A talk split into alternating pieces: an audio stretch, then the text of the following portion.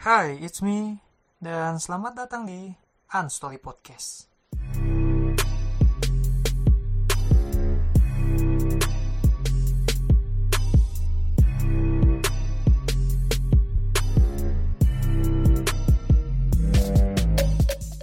Halo semua, kembali lagi dengan saya di episode yang kedua. Gimana nih kabar semua? Semoga semuanya sehat-sehat ya dan bagi yang berpuasa semoga puasanya tuh lancar dan terhindar dari amarah. ya, saya juga ngerti sih ngeliat berita-berita sekarang ya saya juga agak kesel sih. Ya tapi mau gimana lagi? Namanya juga orang ya beda-beda gitu pemikirannya tapi ya udahlah ya tanpa panjang lebar nih sesuai judul nih loser complain winner train hmm. itu tuh apa ya kutipan andalan saya waktu junior itu paling saya ingat tuh kutipannya dan pastinya relate dengan isinya yang bakal kita bahas pada episode kali ini. Ya, dan beberapa hari yang lalu saya lihat tweet teman saya nih soal orang yang selalu membanding-bandingkan keadaan dengan dirinya. Ya ibarat tuh lihat apa ya ketemu temannya yang bilang enak ya kamu ya mending kamu mah gitu aku mah susah. Nah pasti ada dong teman-teman kalian yang kayak gitu. Pasti ada dong nah tweet ini nih relate juga dengan apa yang saya alami juga waktu saya junior dan sekarang juga masih lah ada lah teman-teman saya tapi ya udahlah. Ya ini keresahan yang saya mau saya angkat aja intinya. Pokoknya kalimatnya biasa dipakai buat yang suka ngeluh tuh yang suka alasan aja. Belum belum merasa merasa belum doing something tapi dia malah ngeluh-ngeluh. Nah kayak gitu tuh. Ya kalau saya pribadi udah biasa lah. Ya untung saya punya rekan di sepak bola yang benar jadi saksi saya dari nol. Dan jadi ya punya dan dia juga punya keresahan yang sama. Jadi nggak masalah lah. Kan ada temannya juga soalnya. Setidaknya saya mewakili perasaan yang lain juga. Saya pribadi pernah di titik terendah. Lagi kan saya ngerantau udah dari kelas 2 SMP tuh, dari kelas 2 SMP. Kelas 1 SMP semester 2 itu saya udah udah seleksi tuh bolak-balik tuh Jakarta Bandung Jakarta Bandung naik travel masih ingat tuh. Naik Cipaganti dulu dari BTC tuh saya pulang pergi tuh seleksi. Kadang saya nginep di kosan bapak saya tuh. Ke bapak saya juga kerja di Jakarta jadi kadang kalau misalnya nginep saya nginep di kosan bapak saya terus saya pulang lagi ke Bandung. Karena kan um, waktu itu untung sekolah saya tuh ngedukung saya. Jadi saya dikasih kesempatan lah buat uh, saya seleksi. Terus pokoknya tugas harus beres saja pokoknya. Tugas ulangan tuh saya nyusul. Aduh kejar-kejaran banget. Jadi pokoknya kan seleksi itu liburnya tuh jadi seleksi itu kayak bertahap gitu nah selama seminggu tuh jadi Rabu tuh free. Jadi saya masuk tuh tiap hari Rabu aja. Jadi ya wah udah ngejar aja tuh. Untung teman-teman saya juga bantuin juga tuh. Oh waktu PR kasih apa rangkuman-rangkuman tuh. Aduh untung punya teman-teman tuh. Bagus teman-temannya. Terus kelas 3 ya itu ya saya di, di di Jakarta. Terus kelas 3 masih di Jakarta terus semester 2 nya kelas 3 tuh saya ke Uruguay ikutin program dari SAD tuh dulu. Ya itu setahunan ya setahunan. Terus bubar kan bubar. Habis itu saya seleksi ke Palembang kelas 2 SMA dari kelas 2 SMA tuh saya lima tahun di sana tuh sampai 2018 ya pokoknya masa muda saya tuh saya abisin di perantauan gitu. Ya biasa yang padahal masa muda bisa eh, main enak gitu ya. Ngelewatin lah masa muda tuh menurut saya. Ya nggak cuma saya aja sih sebenarnya. Teman-teman saya juga di bola gitu semua. Tapi nanti bakal share lah di bakal saya share di episode lain. Nah ini nih kembali lagi ke topik ya jadi saya pikir daripada bilang enaknya tuh ke teman kamu yang sukses tuh yang doing something mending bilang aja dulu ke diri sendiri tuh udah doing something apa aja. Terus mau doing something apa lagi? Nah perlu diingat nih doing something tuh bukan hanya sekedar sukses kaya dan banyak duit bukan. Ya tapi achieve atau apa ya pencapaian-pencapaian tuh goal-goal kita tuh apa gitu apa yang udah di achieve gitu. Walaupun hal kecil ya. Setidaknya tuh fokus untuk our target ya dan get get our life gitu. Udah itu tuh kadang tuh saya mikir gitu kalau sama orang yang gitu tuh ngurusin orang tuh get your life bro. Oh ada. Cuma ya yang kalau diomongin ngapain juga udah. Kadang tuh pikiran saya gitu get your life bro. Nggak punya kehidupan kah gitu kan ngurus orang lain gitu kan udahlah. Apa banyak yang bisa dilakuin gitu kan? Untuk diri sendiri minimal gitu. Nah tapi ya intinya kita jangan jadi orang yang punya alasan aja lah kalau kita udah terbiasa dengan beralasan itu sama aja kita tuh udah mencurangi diri sendiri menurut saya. Banyak introspeksi diri lah pokoknya. Soalnya tuh setiap orang tuh punya masalah dan rezekinya masing-masing. Udah diatur lah itu. Dan seimbang menurut saya tuh seimbang loh. Apa yang kita apa masalah yang didapat sesuai dengan rezeki yang dikasih. Menurut saya gitu. Saya percaya banget tuh uh, kalau masalah yang dihadapi akan datang rezeki yang sam sama juga. Jadi nggak ada tuh rezeki yang berlimpah. Malah kalau saya tuh mikir lagi kalau misalnya dapat rezeki yang berlimpah itu malah jadi menurut saya tuh jadi ujian ini takutnya nih bikin terlena gitu. Udah tepat nggak ya? Saya tuh pernah dulu bertanya-tanya aduh kapan ya saya nih? Kok teman-teman saya ini enak udah sukses-sukses saja ternyata kalau dipikir-pikir lagi wah usaha saya yang kurang. Ya udah saya tambah lagi. Usaha itu aja udah. U apa rezeki mah bonus lah ting usaha dulu nggak ada yang sia-sia. Kalaupun misalnya belum dapat hari itu berarti hari lain pasti itu dapatkan hari lain. Misalnya nih kayak ada orang yang ya contoh yang lagi ini nih. Uh, misalnya ini podcast nih podcast. Dulu orang bikin podcast nggak ada yang nonton. Saya saya tuh termasuk yang nonton podcastnya pak podcast subjektif tuh. Udah lama tuh saya nonton podcast subjektif tuh. Itu dia tuh bikin yang nonton tuh paling berapa menurut saya? Karena dulu tuh sempet hype terus hilang lagi itu podcast. Nah saya nonton nonton nonton nonton terus dari episode 0 tuh saya nonton sampai sekarang podcast lagi hype kan? Apalagi lagi apa nih lagi karantina kan sekarang?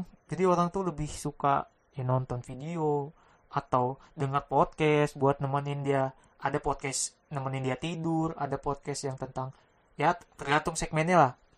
Tapi intinya pasti akan menghasilkan suatu saat nanti walaupun apa yang dilakukan tuh belum menghasilkan sekarang. Pasti ada hasilnya saya percaya itu. Nah kalau saya pribadi udah berdamai lah soal itu jadi lihat banyak teman-teman saya yang ah kalau bilang teman saya tuh banyak lebih sukses. Karena mereka tuh pantas mendapatkan itu menurut saya orang bilang-bilang apa itu itu tuh dibalik kisahnya itu kalian pasti akan percaya oh udah pantas sih mereka dapetin itu. Makanya kadang tuh misal baca buku tuh sering baca-baca buku biografi aja. Tuh bagus tuh biografi. Jadi bisa mengenal si orang itu lebih dalam. Iya harus kalau apa-apa terus mengakui aja diakuin aja dan jadi ini tuh motivasi. Jadi positif. Kalau sekarang kan be positif stay positif kalau di bola tuh kan uh, banyak tuh orang bilang tuh. Uh, apa orang-orang tuh kalau wah enak nih main bola. Uh, gaji gede. Serba enak lah katanya. Nah itu saya saya pikir ada gak semuanya benar gak semuanya salah saya pikir orang-orang yang berkata seperti itu adalah orang yang melihat semuanya hanya dari hasil akhir tanpa melihat apa yang terjadi di balik itu. Faktanya nih memilih hidup di bola itu atau dunia atlet tuh itu tuh gambling yang gede banget. Aduh gede banget. Saya aja baru memikirkan nih saya akan benar-benar pure di bola itu ketika saya itu baru naik ke senior. Baru naik ke senior. Dan saya baru naik ke senior tuh tahun 2000 2015 tuh waktu piala apa ya. Pokoknya tuh di inilah waktu pas pembekuan tuh. Jadi waktu pas masih usia U21 terus masih saya udah ke Uruguay udah ikut apa udah timnas usia-usia gitu. Ya saya juga masih berpikiran ini saya main bola belum belum tentu jadi main bola gitu. Saya masih ada berpikiran seperti itu tapi perasaan tuh pasti ada. Dan orang tua saya juga pasti akan berpikiran seperti itu tuh. Makanya menurut saya nih luck itu ada menurut saya. Nah saya merasa faktor luck itu karena doa dari orang tua saya. Didengar doa orang tua saya itu didengar berarti. Enggak semua yang kita lihat tuh sesuai apa apa yang kita pikirkan tuh.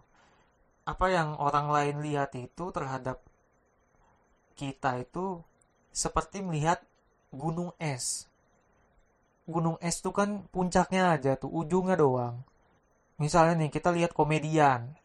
Komedian kayak tukul misal tukul. Eh komedian nih.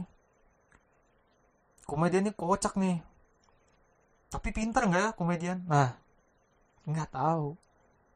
Bahwa semua yang udah jadi pekerjaan dan profesional tuh semua tuh ada strategi dan planningnya emang komedian tuh asal ini nih doang. Ada strukturnya. Kalau dilihat ya. Tukul tuh pernah tanya tuh. Kok bisa sih uh, kamu lucu gitu?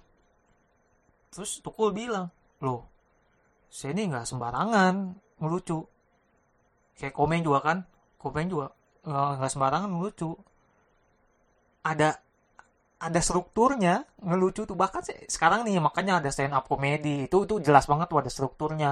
Dipikirkan dengan matang. Semua tuh ada. Dipikirkan dengan matang. Ngejas misalnya komedian itu konyol uh, dulu apa, apa kayak maaf ya ini katanya katanya aduh kocak nih oh apa ada apa dungu-dungu gitu. Nggak nggak bukannya itu mereka itu benar memikirkan tuh dengan matang. Kalau misalnya lihat gunung es tuh kan puncaknya aja kita lihat. Kalau kita ke dasar lautnya itu uh itu tuh gede banget dalamnya. Nah itu tuh nggak perlu dikasih lihat sebenarnya. Kan tugas sebagai profesional tuh kan cuma menampilkan ujungnya aja. Makanya kalau lihat kayak public figure kalau yang dulu dulu kan kayak cuman ujungnya aja puncaknya aja yang dikasih lihat. Sebenarnya banyak hal yang bisa mereka lakukan di di bawah itu. Makanya semakin banyak sosial media kan semakin kelihatan tuh mereka bisa apa selain itu public public figure kan. Nah itu ibarat tuh semakin terbuka lah. Semakin semakin terlihat dasar-dasarnya. Tergantung orangnya sih mau memperlihatkan sampai mana. Ya gitu aja lah pokoknya.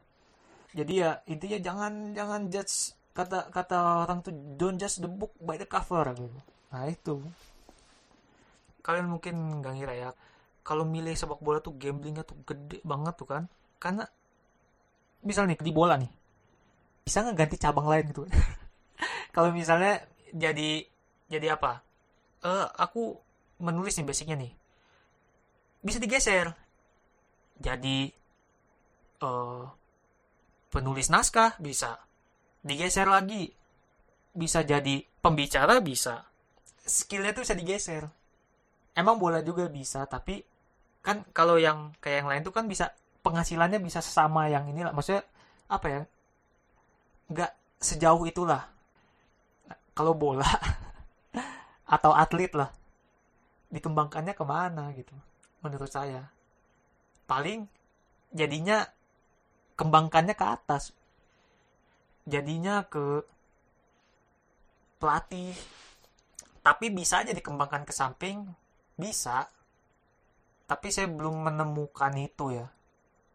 Ke mana gitu. Ke sampingnya tuh ke mana. Paling ya komentator tapi nggak sebesar gaji pemain bola. Terus ya kalaupun misalnya ini naik jadi jadi pelatih. Terus jadi direktur teknik. ya apa ya terus juga kalaupun misalnya ke manajemen pun sulit nggak karena kan basic fisik basicnya itu kan atlet bukan manajemen kan. Jadi mau apa? Pindah cabang lain. Bisa kok pindah cabang lain? Ya nggak semudah itu. Mau tiba-tiba nih ah aku mau pindah cabang lain kayaknya nggak berhasil. Di usia berapa? Di usia 20-an yuk gila aja. Di usia 20-an pindah cabang itu menurut saya resiko banget. Fokus pada satu cabang aja beresiko beresiko gagalnya tuh ada. Apalagi tiba-tiba pindah mulai dari nol lagi di usia yang udah 20-an sedangkan untuk jadi atlet tuh dibina dari usia yang belasan tahun dulu. Dan apa ya mendalami skill uh, fisik teknik. Kalau misalnya bergu atau kayak uh, cabang lain lah apa taktiknya harus ada. Itu kan harus butuh waktu yang panjang. Apalagi taktik tuh. Taktik tuh butuh waktu yang panjang. Adaptasi juga. Aduh. Itu butuh waktu yang panjang. Emang skill itu dipelajarin dalam waktu semalam gitu. Sebulan dua bulan enggak lah. Skill fisik itu tuh butuh waktu gitu. Terutama skill ya jadi ya harus 100% kalau mau di satu satu cabang 100% jangan jangan pernah setengah-setengah lah. Kalau setengah-setengah ya kata pelatih saya tuh duitnya setengah-setengah. Dan janganlah jangan setengah-setengah. Ibarat tuh kalau 10 orang nih yang mau jadi atlet ya paling hanya satu dua. Itu udah seleksi alamnya seperti itu. Resikonya pun besar untuk gagal saya mer ya ini bukan membuat jadi pesimis ya tapi saya bicara realistis pada dasarnya. Saya merasa itu ketika saya nih mulai karir saya sejak kecil banyak pemain yang lebih hebat dari saya. Dan banyak juga yang nggak percaya tuh saya bisa sampai ke tahap ini. Nah tapi kan yang menjalani ini saya kan ya udah. Saya ada ada campur tangan Allah juga di situ. Dan saya bersyukur sampai ke tahap ini. Kan saya pun tidak menjamin bagaimana karir saya ke depannya. Saya juga nggak bisa jamin. Saya tuh cuma bisa kerja doa palingnya tawakal sama Allah. Karena urusan keputusannya bagaimana itu urusannya Allah kan.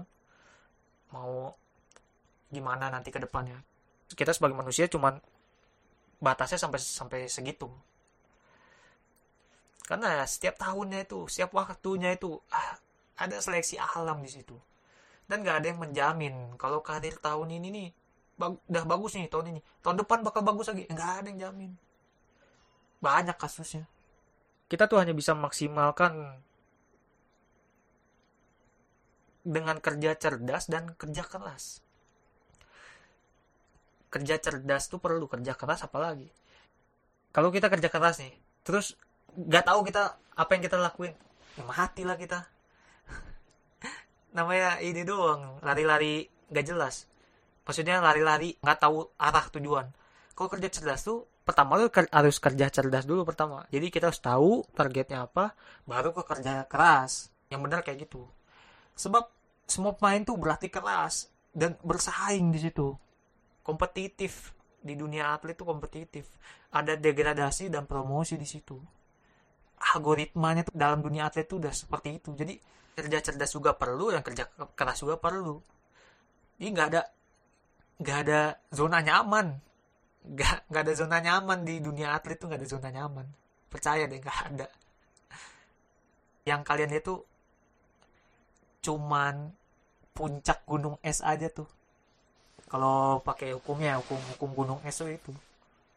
Karena di dunia atlet itu juara itu hanya ada satu orang.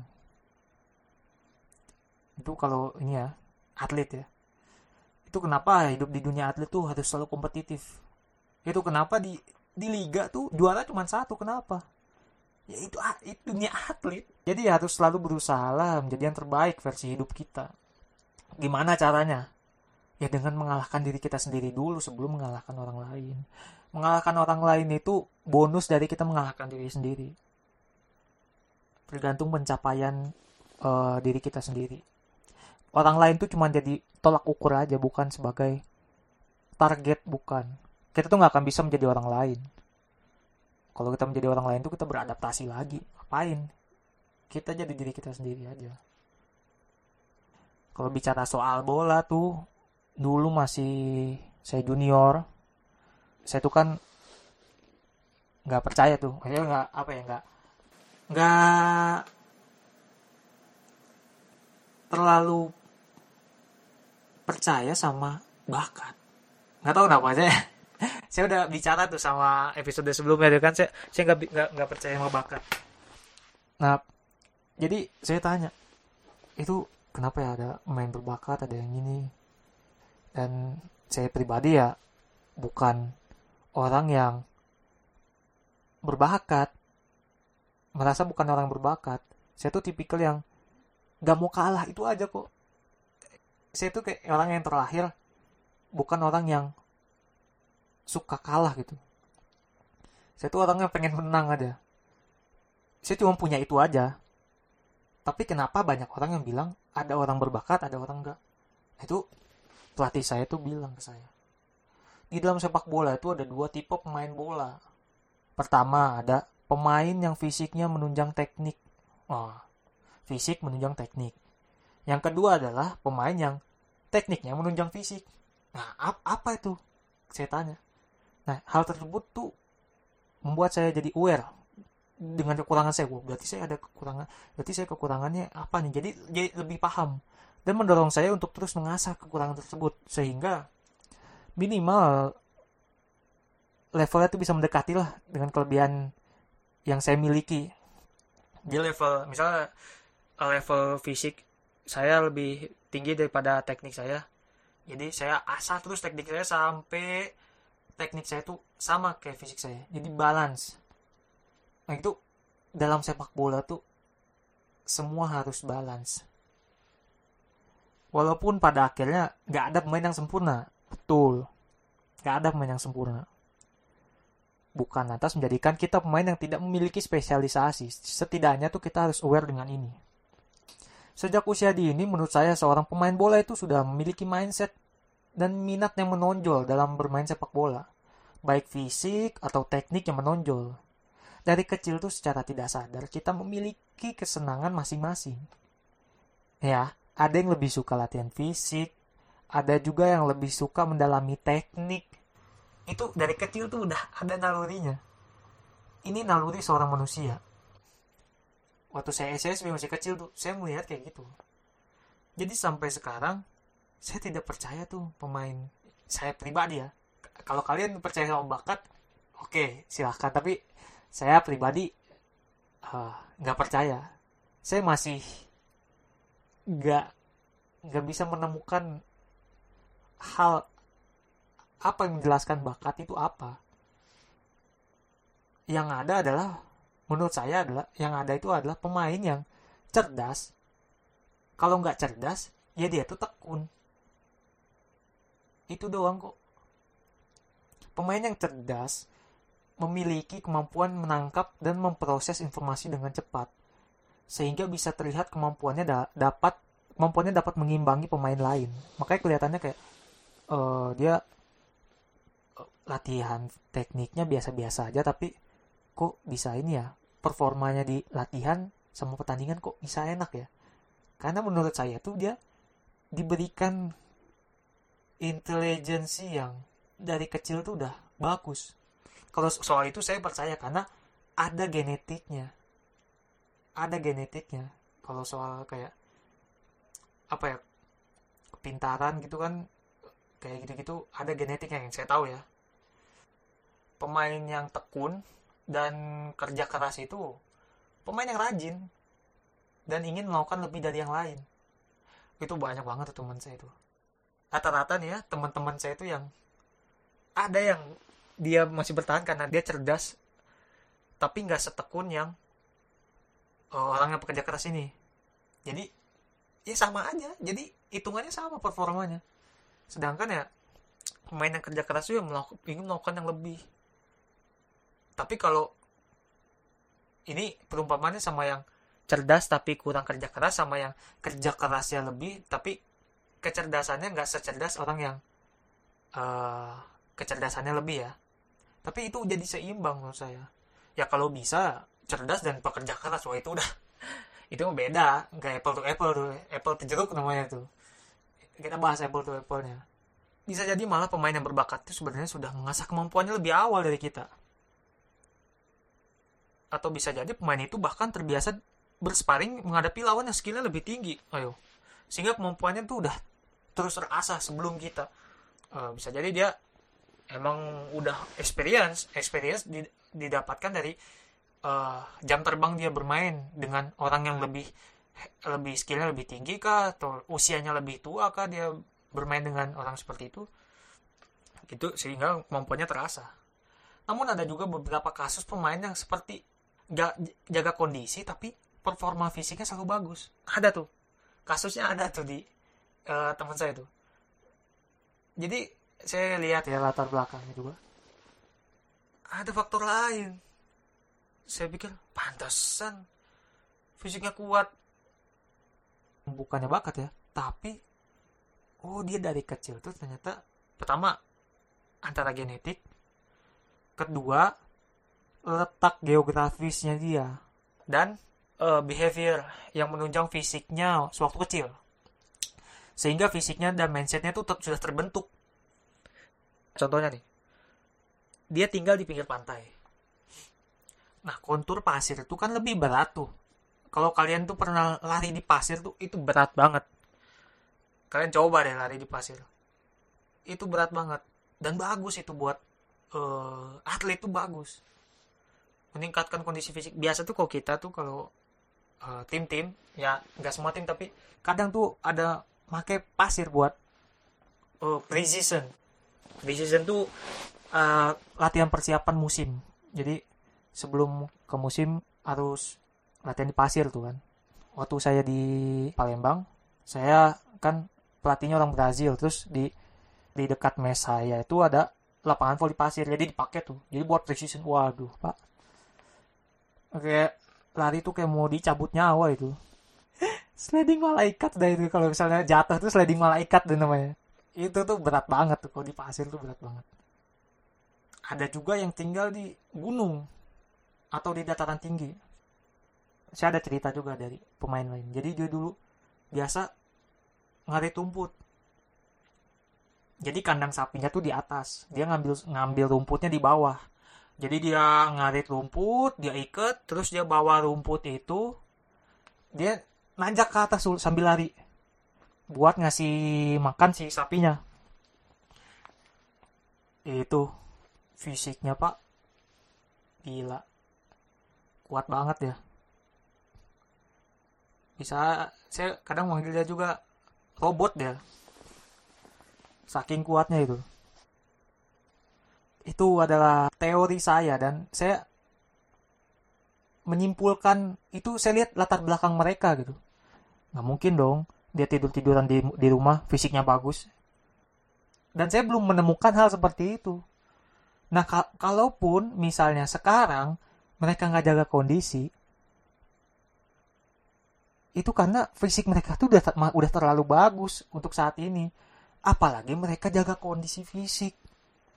Ya pastinya fisiknya ya pasti lebih bagus lagi lah. Main yang katanya bakat fisiknya kuat ya. Salah satunya itu latar belakangnya itu yang yang saya tahu ya teman-teman saya. Terus hal yang sering kali disalahartikan sebagai bakat tuh adalah rupanya tuh perbedaan level. Bisa jadi pemain yang kita bilang berbakat itu memang levelnya tuh di atas kita. Udahlah. Bahwa yang dengan kita berlatih dan malah tuh malah ya kalau misalnya kita berlatih dengan dan bertanding dengan sparring partner yang level di atas kita itu tuh harusnya jadi keuntungan bukannya jadi ah dia mah berbakat. Bukan. Jangan sampai kita bilang ah dia mah udah udah enak lah hebat hebat tuh jangan gitu. Itu malah harus jadi acuan untuk kita push the limit. Berarti limit kita tuh belum sampai dong ke dia. Nah push dulu push terus limit kita tuh sampai limit kita tuh minimal sama kayak dia. Minimal menyamai lah. Kalau bisa sama atau lebih. Tergantung. Kalau yang orang yang di level di atas kita tuh nggak latihan ya bisa aja kita susul.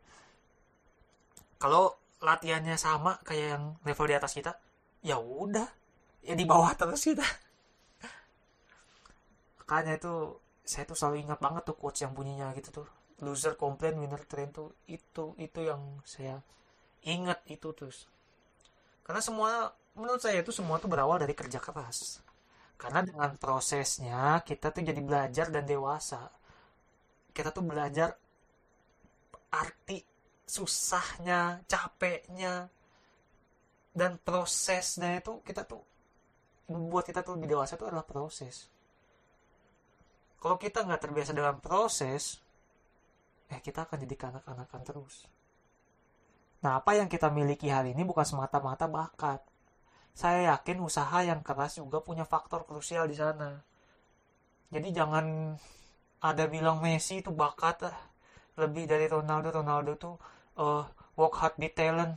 Nggak gitu dong ceritanya. Messi juga latihan keras. Messi juga aduh. Messi juga Messi masa latihan di, di videoin terus sih? Messi lagi latihan di rumah videoin? Enggak lah.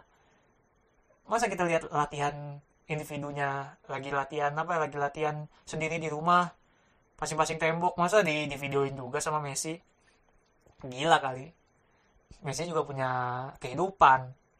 Ya masa nggak semuanya harus dipertontonkan di media sosial nggak nggak semuanya.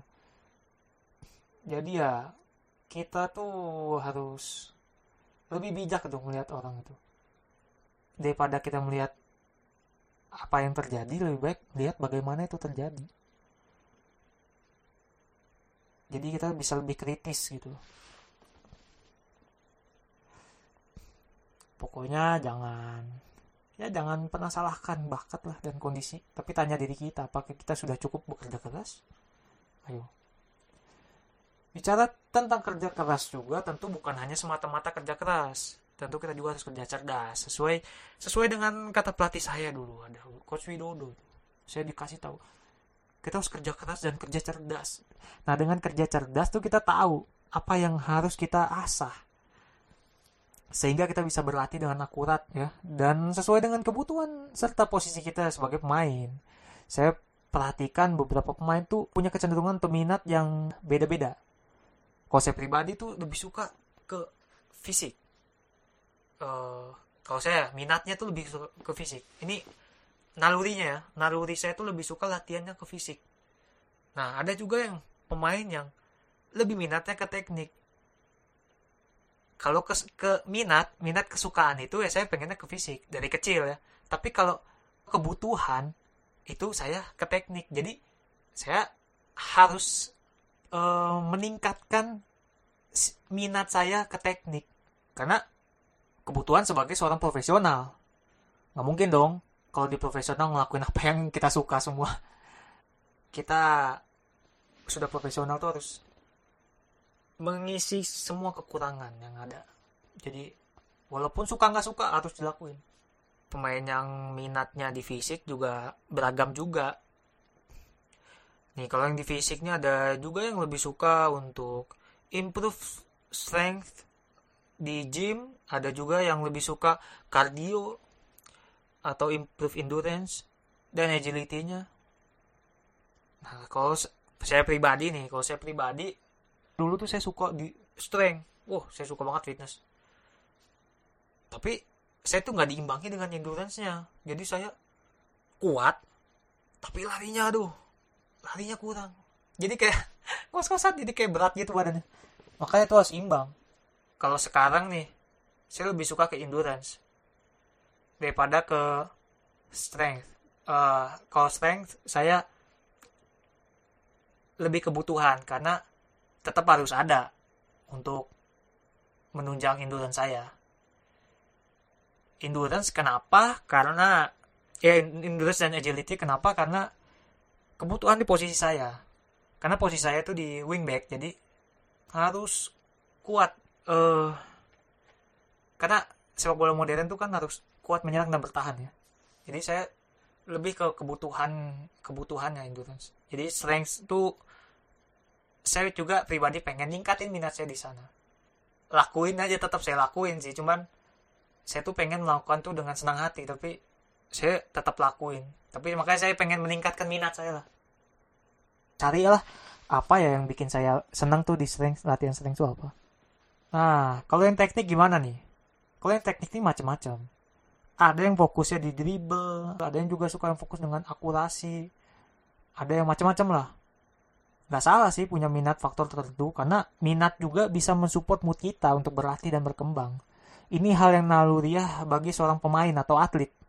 Jadi kalau bisa ya semuanya. Cuman saya bahas tuh kesenangannya apa. Karena ya saya juga gitu. Semua pemain lah. Ada sih sukanya sukanya apa. Tapi ya tetap dia lakuin yang hal yang hal yang lain. Misalnya apa? Uh, ya teman saya ada tuh. Dia suka dribble makanya dia dia seneng banget. Jadi ketika uh, kita mempunyai kesenangan dalam melakukan hal dalam sepak bola itu tuh menjadi uh, kepercayaan pertama kepercayaan diri ketika di lapangan. Kedua adalah kebahagiaan tersendiri ketika kita bekerja. Eh, saya, saya suka banget lari gitu. Jadi ya udah. Apa ya ini saya masuk lapangan tuh happy gitu. Karena saya melakukan hal yang saya suka.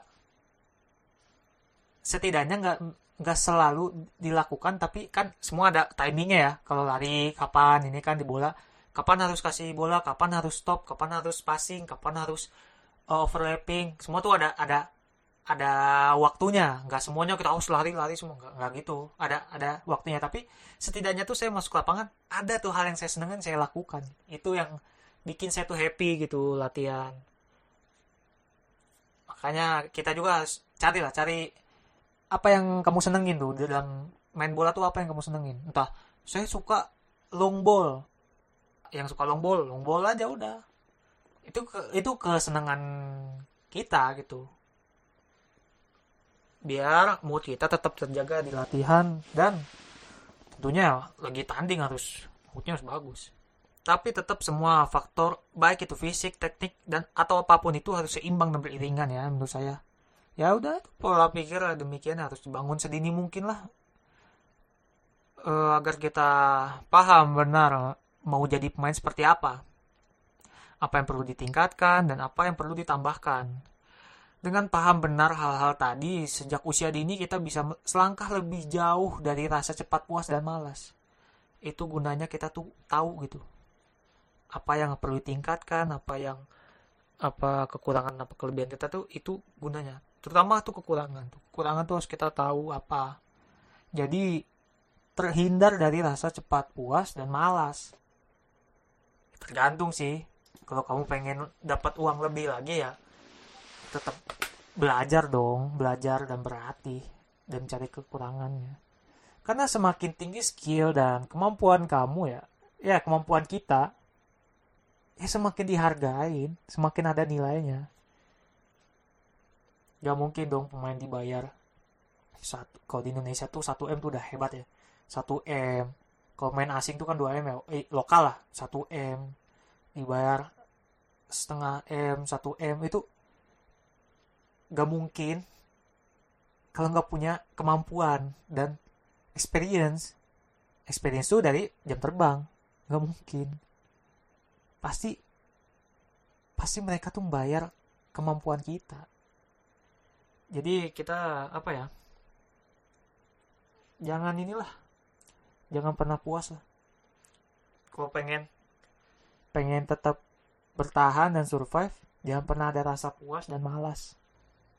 Nah saat ada di dalam sebuah tim kita tuh pasti akan bertemu dengan pesaing yang berada di posisi yang sama karena bagaimanapun tim itu akan menyiapkan backup untuk tiap posisinya. Jadi rata-rata tuh tiap posisi itu pasti ada backupnya.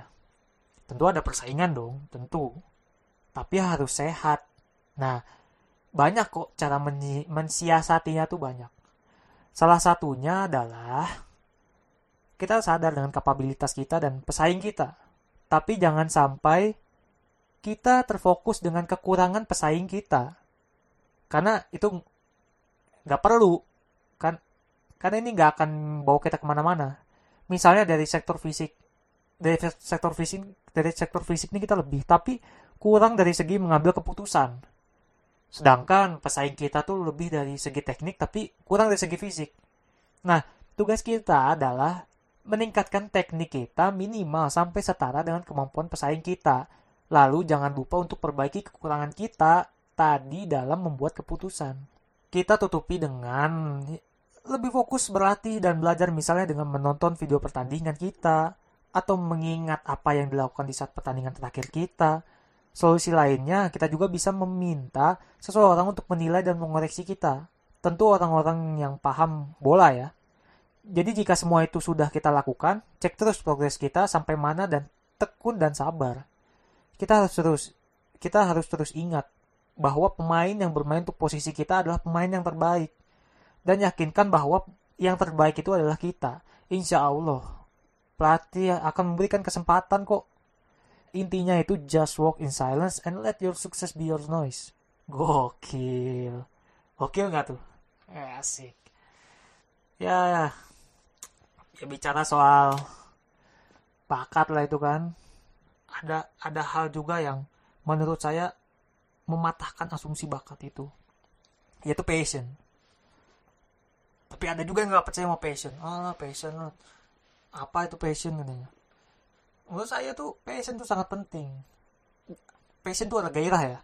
Jadi apalagi kalau dieksekusi dengan hati yang panas tuh uh, misal kalau saya pribadi nih saya tuh suka hmm, masuk lapangan tuh dengan hati yang panas tapi kepala yang dingin. Menurut saya mau sebesar apa pun kita sebagai pemain gairah di lapangan tuh harus terus terus terjaga. Soal gairah di lapangan kita tuh harus contoh satu. Wah itu satu orang tuh. Roy Ken bro. Wah ini Roy Ken ini. Roy Ken ini gokil. Ini kalau kalian nonton Roy Ken ketika ya Roy Ken Manchester United dah itu gila men. Gairahnya itu dia 90 menit bener-bener petarung banget. Itu aduh itu contoh contoh banget tuh. Saya pikir daripada Gattuso ya. Itu Roy Ken padahal dia kok dibilang pemain pemain yang hebat ya masih banyak ya. Dulu zamannya Rivaldo Ronaldo yang Brazil-Brazil banyak tuh kan. Tapi dia tuh punya mentalitas gairah itu tinggi banget. Gila itu tuh harus dijaga. Seperti awal kita mulai karir kita. Kayak pertama kali kita mulai main bola tuh gairah tuh harus sama seperti sekarang. Karena ini sangat penting dan akan berpengaruh pada performa kita. Itu tuh kayak energi tambahan. Sebenarnya banyak hal yang bisa kita lakukan ya untuk menjaga performa kita. Kalau saya sih menjaga performanya dengan menjaga fisik aja. Ya selain dari passion ya. Ya kalau di luar negeri kan saya perhatikan banyak tuh. Fasilitas kayak performance maintenance gitu untuk atlet banyak di situ. Sayang ya di Indonesia tuh masih jarang. Ya di di samping kita semangat ya percuma dong kalau kita passion tinggi tapi kita nggak jaga kondisi fisik kan. Tapi enak juga ya kalau di Indonesia nih ada tempat jaga kondisi fisik gitu ya. Tapi Indonesia iya jarang sih tapi kondisi gini agak aneh juga sih kalau nggak sedikit pemain juga punya personal trainer juga. Kayak kan banyak tuh main-main luar tuh ada personal trainer kayak Ronaldo kan. Terus saya juga suka lihat tuh Douglas Costa. Wah itu kan dia punya personal trainer. Itu perlu sebenarnya. Tapi ya di sini belum belum terlalu awam. Ya mungkin karena infrastrukturnya juga ya ya semoga deh ada ada semacam seperti itulah. Kalaupun ada ya saya lihat di klinik fisioterapi sih. Soalnya saya pen, saya juga pernah diskusi dengan salah satu fisio, fisioterapi uh, di klub saya ya tentang ini. Ternyata dia juga pemahaman juga dengan saya tentang hal ini. Menurutnya itu adanya tempat pelatihan khusus khusus untuk menjaga dan meningkatkan performa akan sangat bagus untuk membantu pemain tuh meningkatkan performa secara terukur cuman ya sayang memang ya. Bener tuh industri lah. Masih baru ya. Soalnya dan awam di Indonesia. Saya tuh ada satu tuh di Jakarta tuh. Uh, punya pelatih pelatih saya tuh coach Jaino. Dia pelatih di klub Persib tuh dulu. Sekarang dia punya kayak apa ya, performance gitu buat ningkatin perform performance. Cuman sayang masih di Jakarta. Kalau ada di Bandung tuh saya bisa tiap hari tuh ke sana buat ningkatin performa. Terus kan kalau itu tuh punya datanya punya datanya masing-masing. Yaitu ada sport science-nya. Jadi ada di anak di datanya tuh kita latihan hari ini nih apa aja yang yang meningkat apa aja nih dari dari latihan sebelumnya. Di di Persib juga dikasih sih GPS jadi kalau di Persib itu ada GPS ya. Makanya kalau lihat tuh kalau pertandingan-pertandingan di luar negeri itu ada yang latihan pakai kayak rompi ketat gitu warna hitam tuh. Nah itu GPS tuh. Nah itu tuh fungsinya kalau yang belum tahu nih fungsinya itu buat mengukur heart rate jarak tempuh body load highest rate-nya sama low rate-nya heart rate low heart rate maksudnya itu dihitung semua jadi ketahuan tuh yang begadang. Misalnya nih emang jarak tempuhnya tuh tinggi tapi uh, average heart rate-nya itu tinggi. Harusnya kan heart, heart rate-nya itu kan jangan di jangan di atas rata-rata dong.